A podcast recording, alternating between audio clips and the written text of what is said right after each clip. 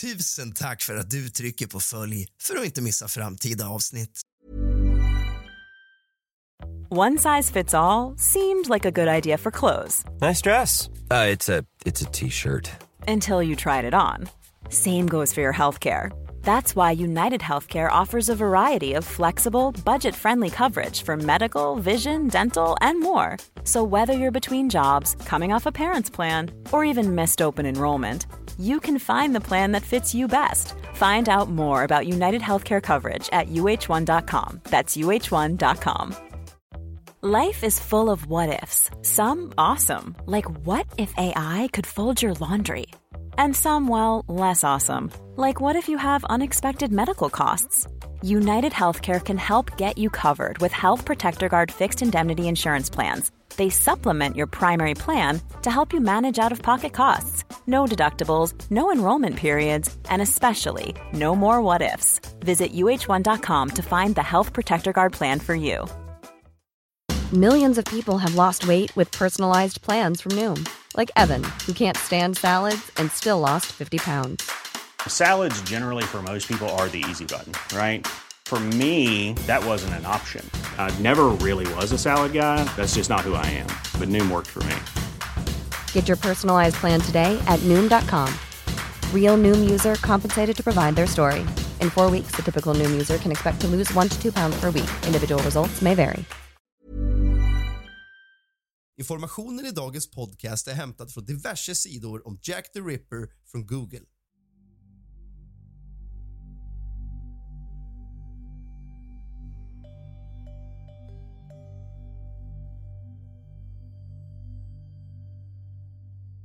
God afton, alla monsterdiggare och hjärtligt välkomna tillbaka.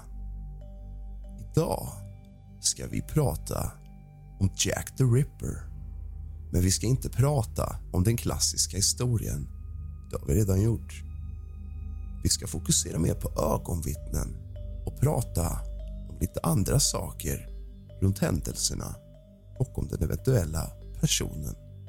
Släck alla lampor, tänd några ljus, hämta något gott att dricka, sätt dig i soffan. Tack för att du har ratat podden fem stjärnor. Nu kör vi!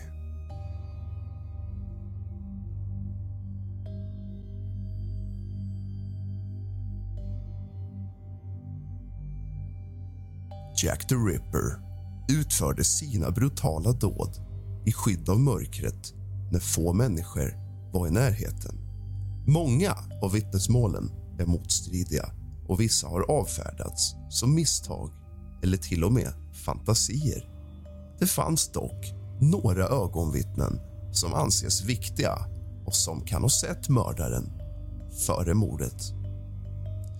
Den sista gången Annie Chapman, uppskärarens andra offer, sågs levande var strax efter klockan fem över halv två på natten lördag den 8 september 1888. Hon hade återvänt till sitt på 35 Dorset Street, Spitalfields där hon träffade John Evans, nattvakten. På frågan om hon hade tillräckligt med pengar för att betala för sängen för natten, ungefär fyra pence, svarade hon att hon inte hade det, men att hon snart skulle få det.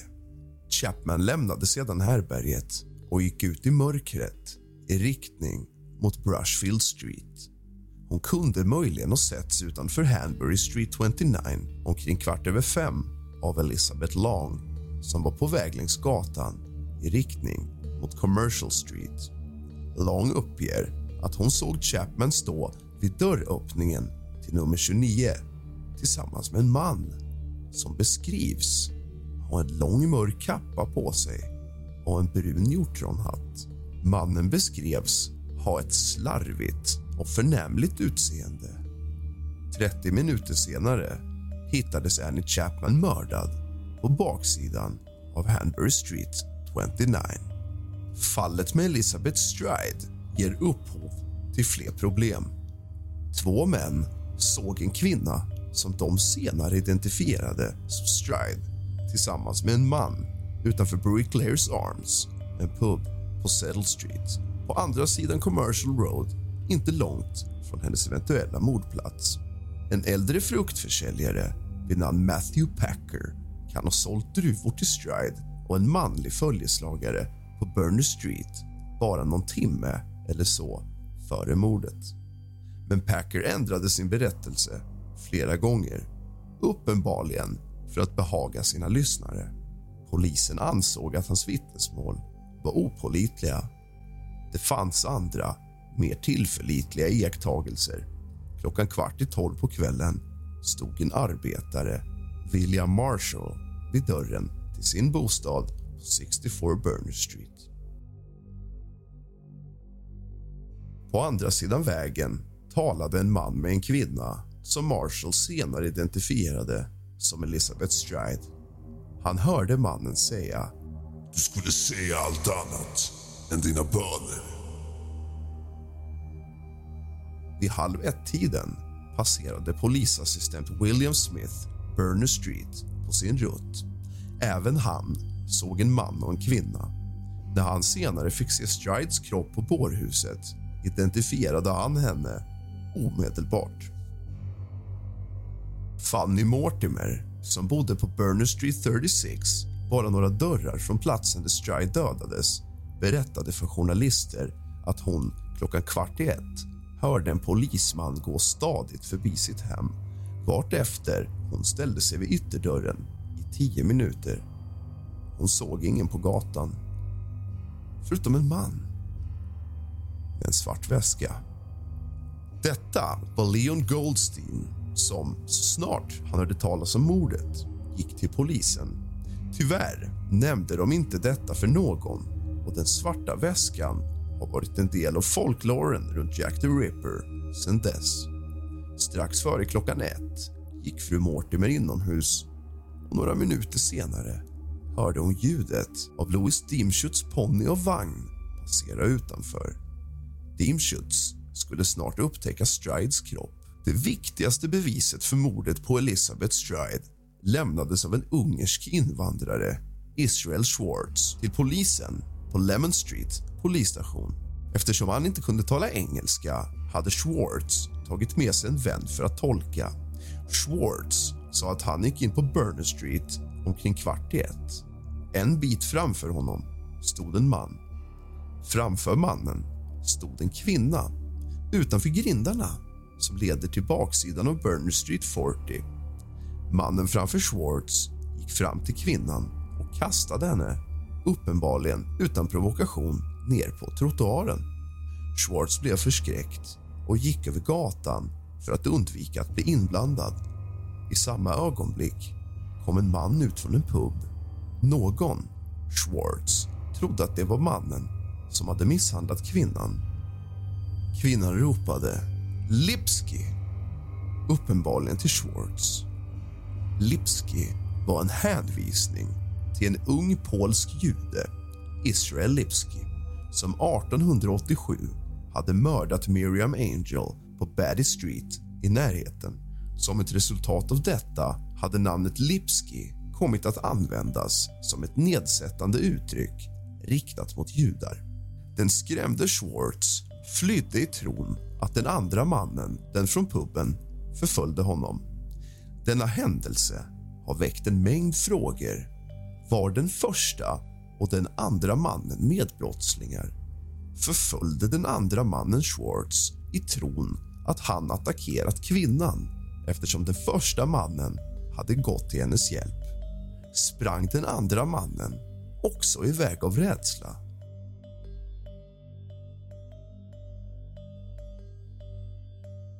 Även om Schwartz senare identifierade kvinnan han hade sett som Elizabeth Stride även om dokumentet i polisens arkiv visar att polisen trodde på Schwartz berättelse vittnade han inte vid undersökningen av Strides död. Det gjorde inte heller fru Mortimer. Båda bör ha gjort det. Oavsett om de verkligen hade sett Stride bli misshandlad eller inte. Bevisen från Mrs Mortimer och Israel Schwartz gav polisen två scenarier. Antingen attackerades två kvinnor på samma plats inom 15 minuter från varandra eller så attackerades Stride av två olika män på samma plats inom 15 minuter. Om den man som Schwartz såg inte var Strides mördare. Osannolikheten i båda fallen har lett till slutsatsen att den man som Israel Schwartz såg kasta Stride till marken var hennes mördare. Men var han Jack the Ripper? Till skillnad från de andra offren var Elizabeth Stride inte lemlästad. Endast hennes hals var avskuren. Och när Louis Dishmuts anlände till brottsplatsen flödade fortfarande blod från såret. Detta tyder på att mordet hade begåtts mycket nyligen. Möjligen till och med att mördaren eventuellt kan ha störts av Dismuts ankomst. Denna slutsats verkar bekräftas av fru Mortimer som inte såg någon annan än Leon Goldstein på Burner Street under de 15 minuterna före Dimschuts ankomst.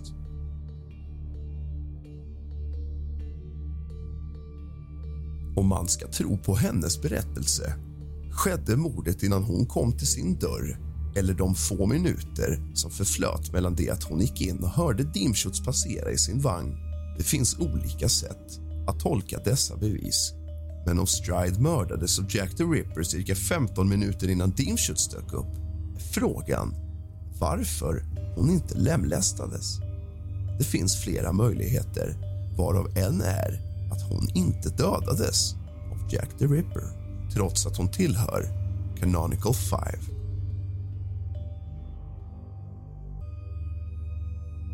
Schwartz berättelse har fått betydelse eftersom Dr. Robert Anderson, chef för CID skrev att Jack the Ripper positivt identifierades av ett ögonvittne. Schwartz är en av de två män som mest sannolikt har varit detta vittne.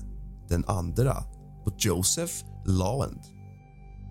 Joseph Lawend var den man som tillsammans med sina två vänner Hyam Levy Harry Harris hade sett en kvinna, troligen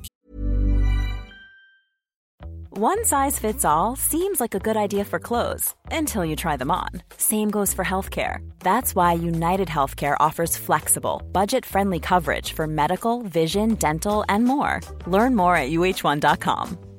Ryan Reynolds here from Mint Mobile. With the price of just about everything going up during inflation, we thought we'd bring our prices down. So to help us, we brought in a reverse auctioneer, which is apparently a thing. Mint Mobile unlimited premium wireless. Ready to get 30, 30, bit to get 30, bit to get 20, 20, 20, bit to get 20, 20, bit to get 15, 15, 15, 15 just 15 bucks a month. So, Give it a try at mintmobile.com slash switch.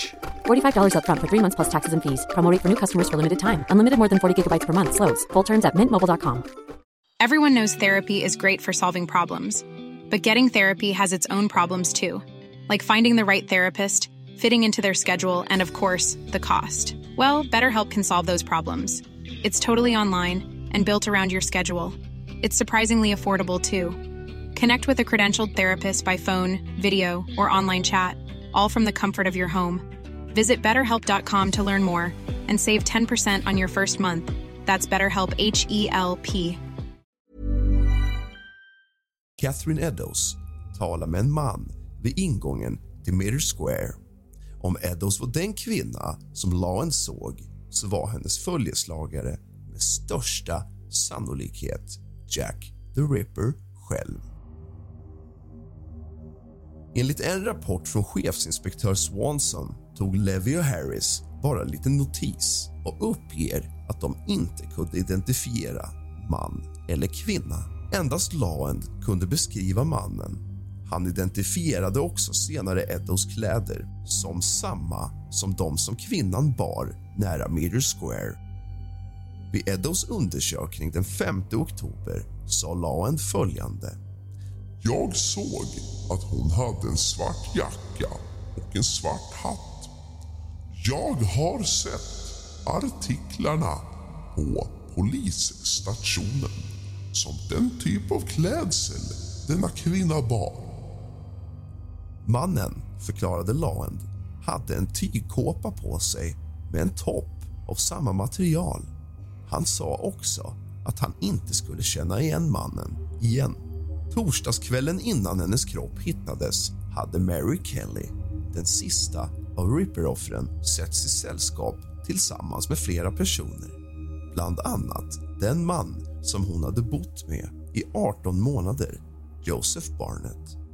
Mellan kvart i tolv och den ungefärliga tidpunkten för hennes död som är någon gång mellan 02 och 03, möjligen lite senare, under fredag den 9 november rapporterades Kellys vistelseort av ett antal personer. Ett vittne, George Hutchinson, hävdade att han träffade Kelly klockan två på Commercial Street. Hon bad om ett lån på sex pence, men han hade inga pengar. Hon gick vidare mot Thrall Street och blev på vägen upplockad av en välklädd herre som tog henne tillbaka till Dorset Street där Kelly hade sin bostad. Mannen bar en kappa med astrakanpäls, en svart slips med en hästsko, mörka fläckar, knäppbara stövlar och en stor guldkedja som hängde över hans väst. Detta bidrog till att främja uppfattningen att uppskäraren var en toff. Men Hutchinsons beskrivning, som gavs efter undersökningen den 12 november 1888 verkade nästan för exakt för att vara trovärdig.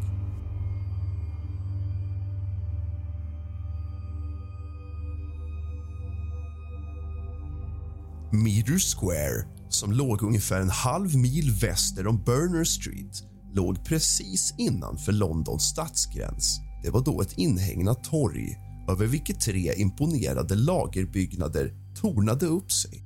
Tre obebodda hus och en butik låg i det sydvästra hörnet medan ytterligare två hus, varav ett beboddes av Richard Pears, en polisman från City Police, låg mellan lagerbyggnaderna. Torget gränsade till Meter Square i väster, Aldridge High Street i söder och Dukes Place i öster. I närheten stod en stor synagoga på Beavis Marks medan ett stenkast bort låg Sankt Botolfkyrkan. Bortom vilket den södra sidan av Allgate High Street var kandidat av slakterier och slakthus och därför kändes som Butchers Row.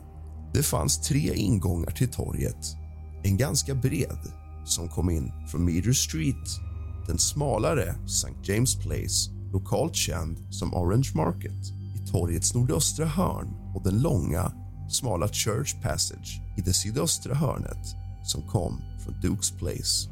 Klockan halv två passerade PC Watkins från City Police det sydöstra hörnet på ett pass som förde honom genom Meter Square var tolfte till fjortonde minut.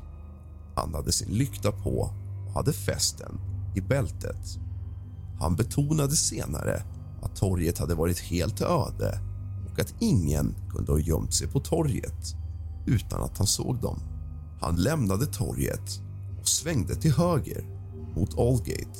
Fem minuter senare lämnade tre judiska herrar Harry Harris, Joseph Hyam Levy och Joseph Lawand Imperial Club på Duke Street. Och när de passerade korsningen Church Passage såg de en man och en kvinna som pratade lugnt tillsammans. Kvinnan stod med ryggen mot dem, men de kunde se att hennes hand vilade på mannens bröst. Levi var genast övertygad om att paret inte hade något gott för sig och talade bryskt om för dem att han inte tycker om att gå hem själv när han ser såna där typer runt sig. I sin brådska att komma iväg ägnade han paret föga uppmärksamhet och kunde inte ge en beskrivning av någon av dem även om han sa att mannen kanske var ungefär fem centimeter längre än kvinnan. Joseph Lawand var lite mindre äcklad och lite mer observant. Även om han inte hade sett kvinnans ansikte var han nästan säker på att hennes kläder var de som Catherine Eddowes bar när han senare fick se dem på polisstationen. Även om gatubelysningen inte var särskilt bra fick han en kort glimt av mannens ansikte och kunde ge polisen ett signalement. Han såg ut som en sjöman och var omkring 30 år gammal. Han var runt 1,75 meter lång och medelmåttigt byggd. Han hade ljus hy och en liten ljus mustasch. Han hade en rödaktig halsduk som var knuten, en peppar och saltfärgad löst sittande jacka och en grå, spetsig tygmössa.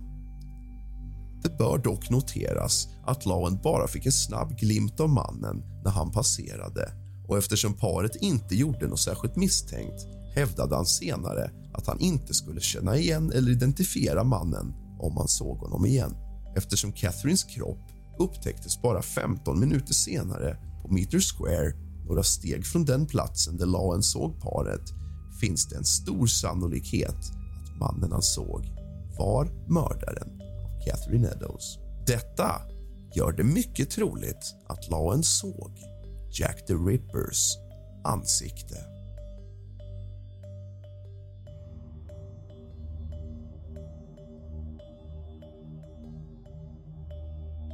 Klockan kvart i två på morgonen svänger PC Watkins ut från Leaden Hall Street promenerade längs Mirror Street och svängde till höger in på Mirror Square. Nästan omedelbart fick han se en syn som fick honom att backa av förskräckelse. Catherine Eddowes låg på rygg i en blodpöl och hade kläderna kastade upp över midjan. Watkins rusade över torget och sprang in i Carely and Tongues lokal där han visste att den pensionerade polisen George Morris arbetade som nattvakt. För guds skull, kompis, ropade Watkins. Kom mig till hjälp. Här är ännu en kvinna som har skurits i bitar. Nattvakten stannade för att hämta sin lampa och följde Watkins till torgets sydvästra hörn tog en titt på kroppen och rusade iväg längs Meter Street mot Aldgate och blåste ursinnigt i sin visselpipa medan han sprang.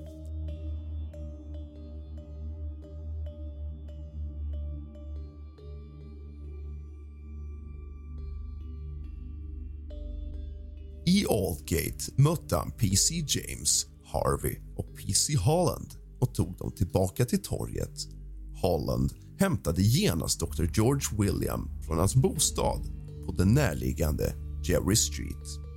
Han var på plats klockan fem i två och berättade senare under undersökningen att platsen där mordet hade skett förmodligen var den mörkaste delen av Meter Square även om det hade varit tillräckligt ljust för att missdådaren skulle kunnat begå detta brott.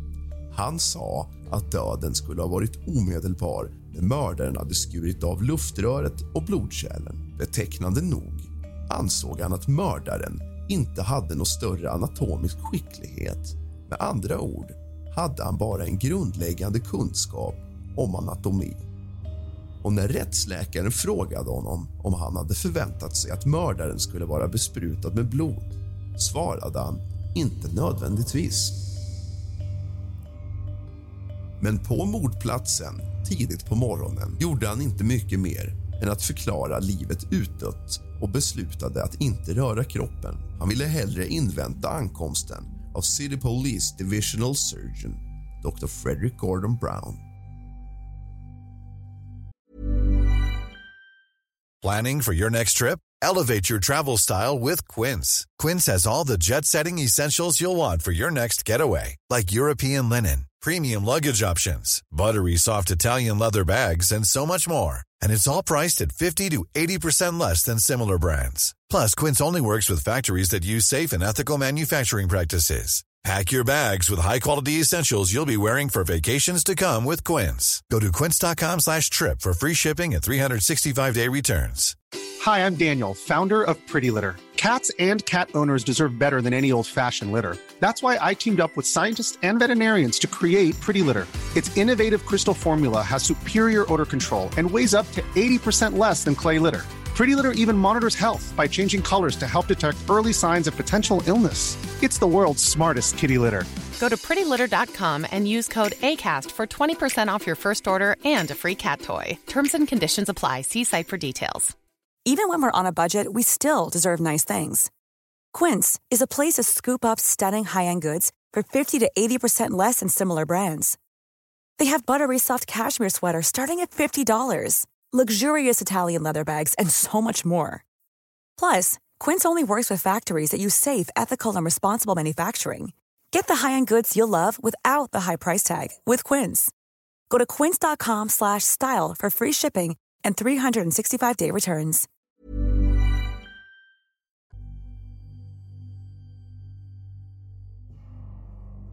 Under tiden samlades poliser från hela staden på Meter Square. Inspektör Edward Collard anlände från Bishop Gate Police Station och beordrade en omedelbar genomsökning av området och instruerade att man skulle göra undersökningar från dörr till dörr i området runt Meter Square.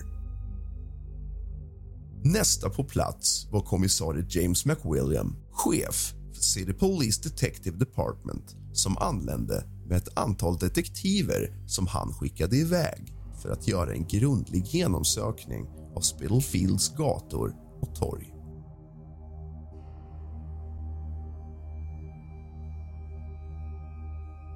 När poliserna började sprida ut sig på gatorna stoppades flera män och förhördes, men utan resultat. Det visade sig att mördaren helt enkelt hade smält bort i natten. Det är troligt att han flydde via det intilliggande St. James Place där det fanns en brandflygstation men brandmännen i tjänst hade varken sett eller hört något. Det hade inte heller poliskonstapel Richard Pierce som bodde på Miller Square 3 där hans sovrumsfönster såg ut mot mordplatsen. George Morris, nattvakten vars visselpipa först hade uppmärksammat polisen på grymheten uttryckte sig helt förbryllat över hur ett så brutalt mord kunde ha begåtts i närheten utan att han hörde ett ljud. Du har lyssnat på kusligt, rysligt och mysigt med mig, Rask. Så gott